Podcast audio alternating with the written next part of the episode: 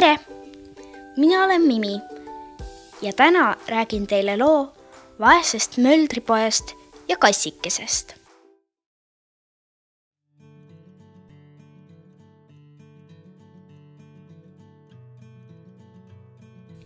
elas kord veskis vana mölder.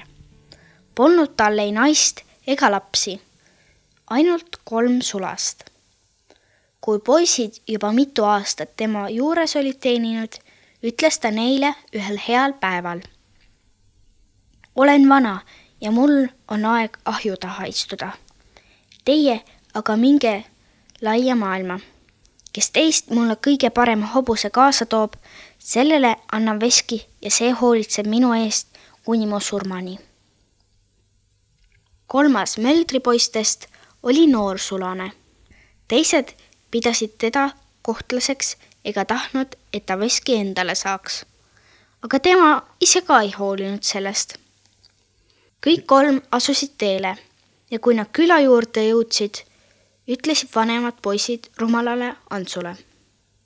sina võiksid siia jääda. sa ei leia oma elupäevadel ühtegi hobust. Ants aga läks nendega siiski kaasa. öö tulekul jõudsid nad koopa juurde ja heitsid sinna magama. kaks tarka poissi ootasid, kuni Ants magama jäi, tõusid siis üles ja läksid minema. Antsukese jätsid nad aga maha ja arvasid ise, et tegid toredasti. kes teeks toredasti nii, kuid ega neil hästi ei lähe. kui päike tõusis, ärkas Ants ja nägi, et lamab sügavas koopas ta vaatas ringi ja hüüdis. oh, kus ma olen? ta tõusis püsti, ronis koopast välja ja läks metsa ning mõtles. olen ihu üksinda ja maha jäetud. kuidas ma küll hobuse leian? kui ta nii mõttesse vajununa edasi sammus, tuli talle vastu kirju kassike ja küsis sõbralikult. Ants, kuhu sa lähed? Sina mind nagunii aidata ei saa. tean su soovi, lausus kassike. sa tahad ilusat hobust. tule kaasa, teeni mind truult seitse aastat, siis annan sulle hobuse ilusama, kui sa kunagi näinud oled. see on kummaline kass, mõtles Ants. aga ma tahan siiski vaadata, kas ta räägib tõtt. ja kassike võttiski poisi oma väikesesse nõiutud lossi kaasa seal elasid lausa kassikesed, kes kassi teenisid. hüppasid kärmelt trepist üles-alla ning olid rõõmsad ja heas tujus. õhtul, kui lauda istuti, tegid kolm kassikest muusikat. üks mängis kontrabassi, teine viiulit ja kolmas võttis pasuna ning puhus oma põsed nii punni, kui iganes sai. kui nad söönud olid, kanti laud ära ja kass ütles nüüd tule minuga tantsima, Ants. ei, vastas Ants.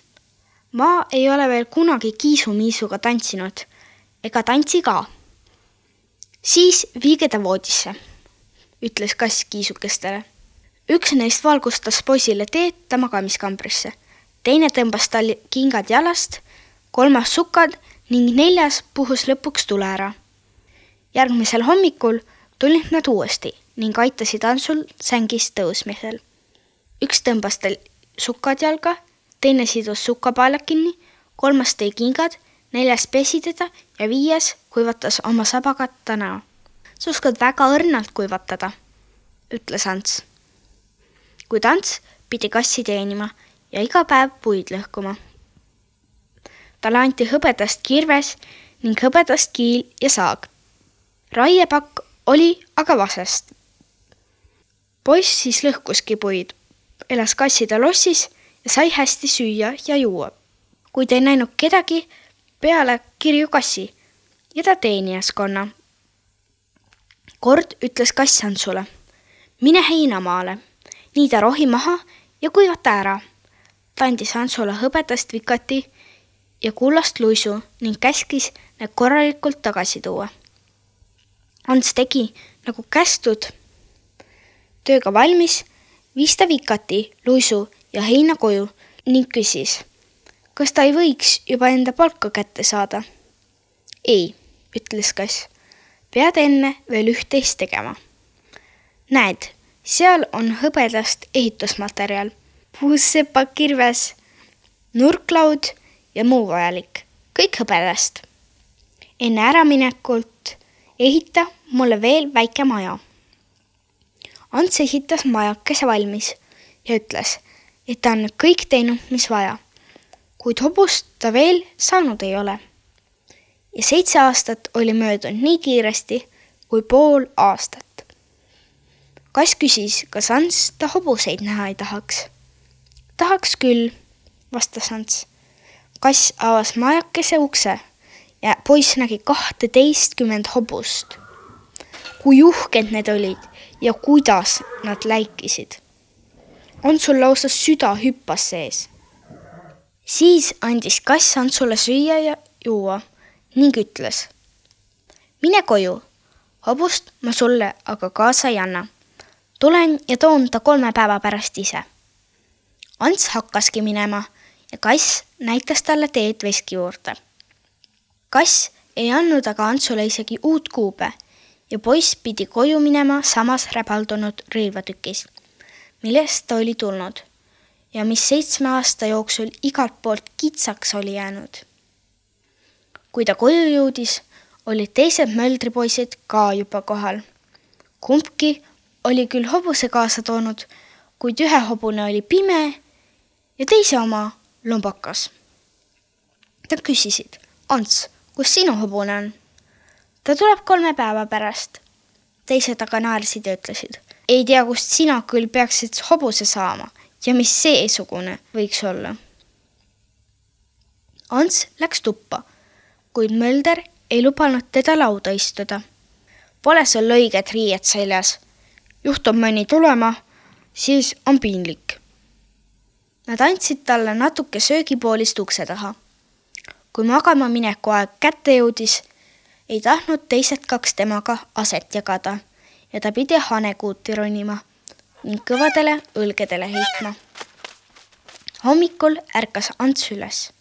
kolm päeva oligi möödunud ja ennäe, lähenes kuue hobuse tõld. sälud ainult läikisid ees ja teener talutas veel seitsmendat ratsut, kes oli määratud vaesele möldripoisile tõllast aga astus välja tore kuningatütar ja läks veskisse.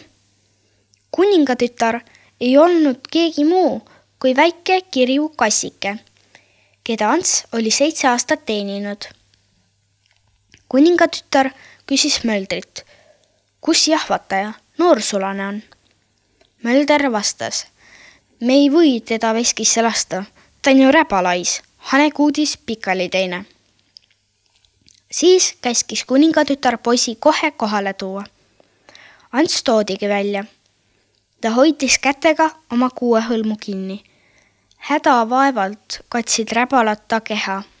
teener aga võttis tellast suurepärased riided ja pesi Antsu puhtaks ning pani ta riidesse. ja kui ta kõigega valmis sai, ei oleks ükski kuningas ilusam võinud olla. siis nõudis kuningatütar teiste möldripoiste kaasa toodud hobuseid näha. üks neist oli pime ja teine lombakas. ta käskis teenreid oma seitsmenda hobuse kohale tuua. kui Mölder seda hobust nägi, ütles ta, et sellist ei ole ta veel kunagi näinud. see hobune on kolmandale veskipoisile, lausus kuningatütar.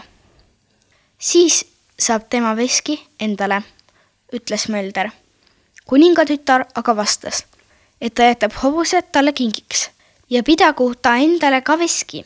kuningatütar pani oma truu Antsu tõlde ning sõitis temaga ära.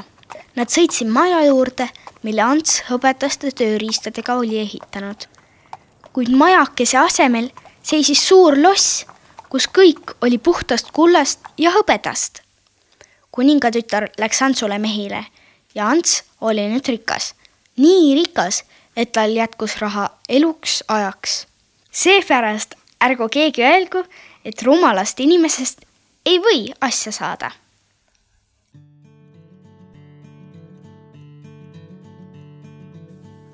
mina rääkisin teile täna loo vaesest möldripojast ja kassikesest. loodan, et teile meeldis. häid jõule kõigile